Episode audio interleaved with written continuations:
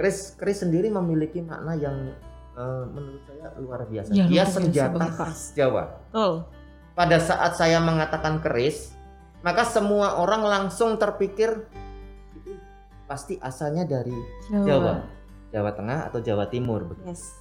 Nah, kemudian keris sendiri memiliki suatu makna positif. Dia itu keras karena bentuknya senjata begitu, senjata tajam gitu ya, yang bisa ditusukkan Yes. begitu. Tapi dia sendiri sebenarnya lentur. Jadi kalau temen udah punya pernah punya keris belum? Punya Pak, saya punya nogosostro bahkan Pak di rumah. keren banget. Peninggalan eyang saya Pak, karena Iya. emang eyang saya alhamdulillah dari Solo Pak, sama Oh. dari Solo. Nah itu bahkan saya punya cerita unik juga tuh Pak Hmm, dari hmm. Keris Nogosostro itu. Hmm. Itu pengalaman yang nggak pernah saya lupain sampai sekarang justru. Jadi setiap malam suro itu kan kalau keris itu kan harus dicuci ya Pak ya. Iya, betul.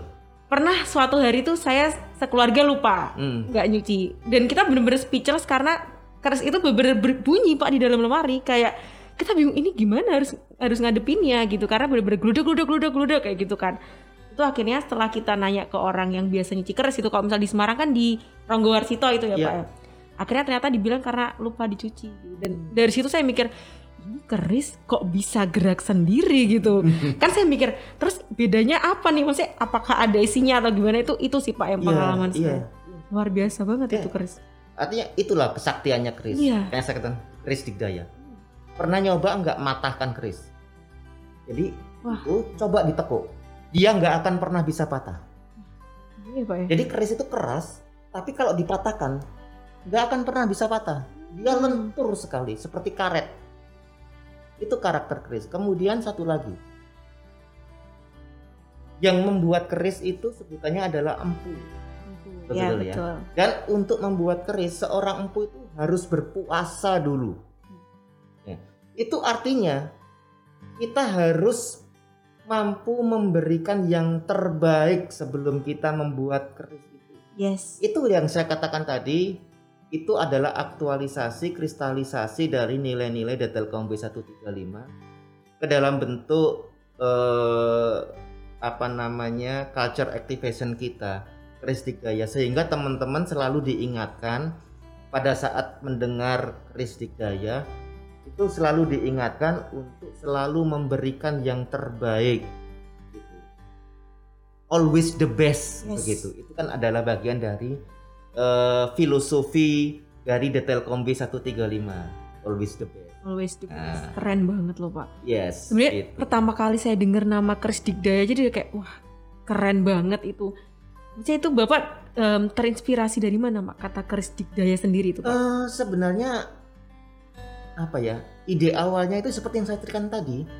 Eh, saya mencoba mencari sesuatu yang memang berasal dari nilai-nilai budaya Jawa sendiri sehingga teman-teman selalu mudah mengingat jadi kalau kita mencari sesuatu yang misalkan Superman gitu. bisa aja saya mau membuat Superman Jawa Tengah gitu Yes. kan sebagai culture activation kita. Cuman Superman itu kayak apa gitu kan? Itu kan superhero-nya eh, Amerika Iya, sono gitu. Tidak ada tidak ada karakter Jawanya gitu ya. Nah, makanya eh, saya mencari-cari waktu itu. Apakah saya membuat Borobudur atau saya mengambil keris atau seorang tokoh pewayangan? ya Karena kalau saya lihat tokoh pewayangan cukup banyak yang bagus. Ada Prabu Kresno dengan Weruh Sadurungi Winoronya. ya Tahu betul. Weruh Sadurungi Winoro? alhamdulillah tidak pak. Terus pada- saya jadi malu nih padahal saya orang Jawa itu pak. Aduh. Salah satu kesaktiannya Prabu Kresno itu ya dia tahu sebelum kejadian itu terjadi. oke. Dan itu adalah eh, salah satu filosofi seorang pemimpin juga.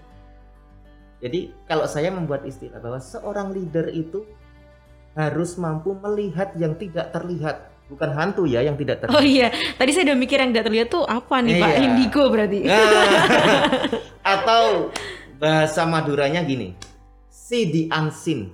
Sidi Ansin. Wah, kata Iya. apa baru nih, saya baru tahu nih apa Ah, itu, iya. Pak. Seorang pemimpin itu harus mampu the unseen, Sidi melihat yang tidak terlihat. Ansin. Oke.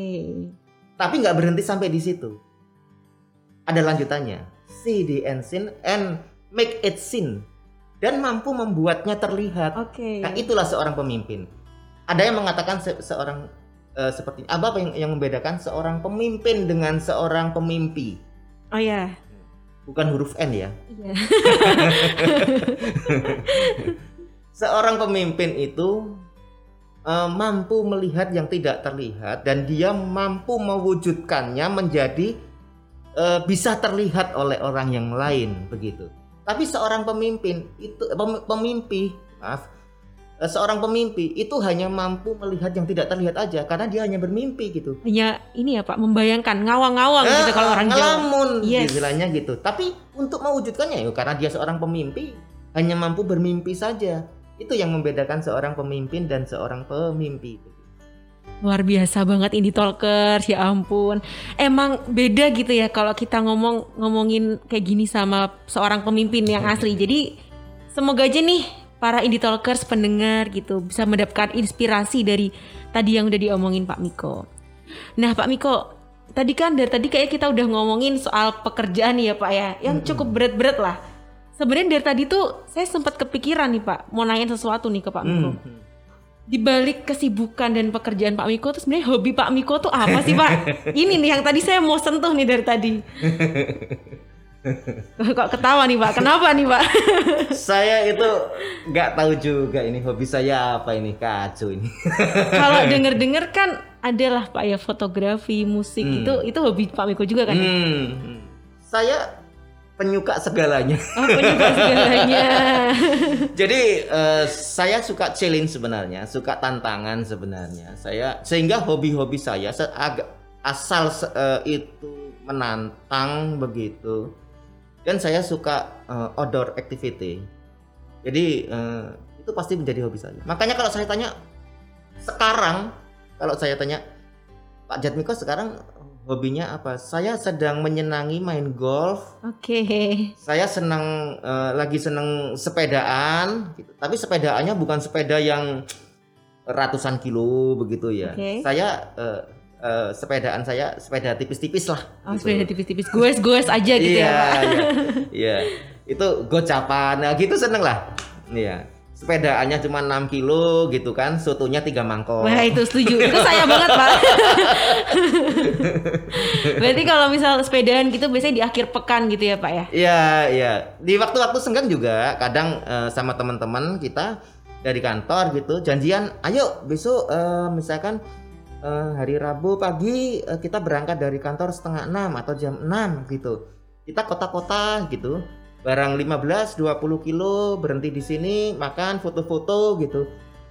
Ada positifnya juga dengan kita eh, sepedaan di kota-kota, sepedaan tipis-tipis kita juga bisa melakukan eh, controlling eh, kondisi infrastruktur eh, kita yang ada di lapangan.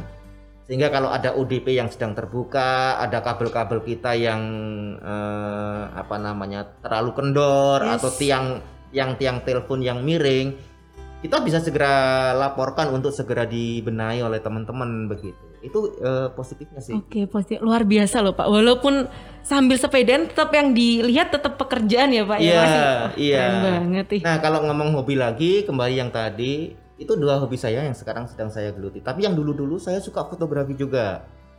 Dulu saya sempat eh, fotografi. Eh, kenapa saya suka fotografi itu? Selain da- dari bagian pekerjaan juga, karena saya dulu di marketing begitu ya. Oke. Saya sempat jadi manajer eh, Davas Speedy pada saat ini masih Ya, belum ya ada ampun, dulu. Speedy. Heeh. Saya pernah jadi manajer di sana dan saya perlu masuk dalam suatu komunitas tertentu yang memang kalau untuk masuk dalam komunitas itu ya kita harus eh, satu rasa lah dengan Betul. komunitas itu. Maka kebetulan saya memang eh, suka fotografi begitu. Nah, maka saya ikut sekalian ngisi waktu senggang saya Sabtu Minggu gitu kan daripada nganggur begitu. Ya udah ikut aktivitas itu. Saya juga ikut juga eh, suka diving Wah. begitu. Eh, Berarti lebih ke alam-alam ya pak iya, ya? saya suka outdoor activity lah Yes. pokoknya. Begitu. Hampir hampir semua eh, cabang olahraga yang aneh-aneh saya pernah ikuti gitu. Pokoknya anggar saya pernah coba basket pernah, pingpong saya bisa. Tapi Yang- nggak ada yang pinter karena Gak kebanyakan. pak. Yang penting pernah nyoba semuanya Iya. aja gitu. itu masalah pinter itu belakangan lah pak. itu. Iya iya iya. Oke ini talkers mungkin dari tadi kita udah ngomongin agak panjang nih agak seru juga nih udah mulai masuk ke part-part serunya nih. Nah mungkin em, sambil kita lanjut ke pertanyaan yang lebih dalam lagi kita jeda dulu aja kali ya. Kita nih sambil minum-minum dikit nih udah agak seret-seret gimana gitu oke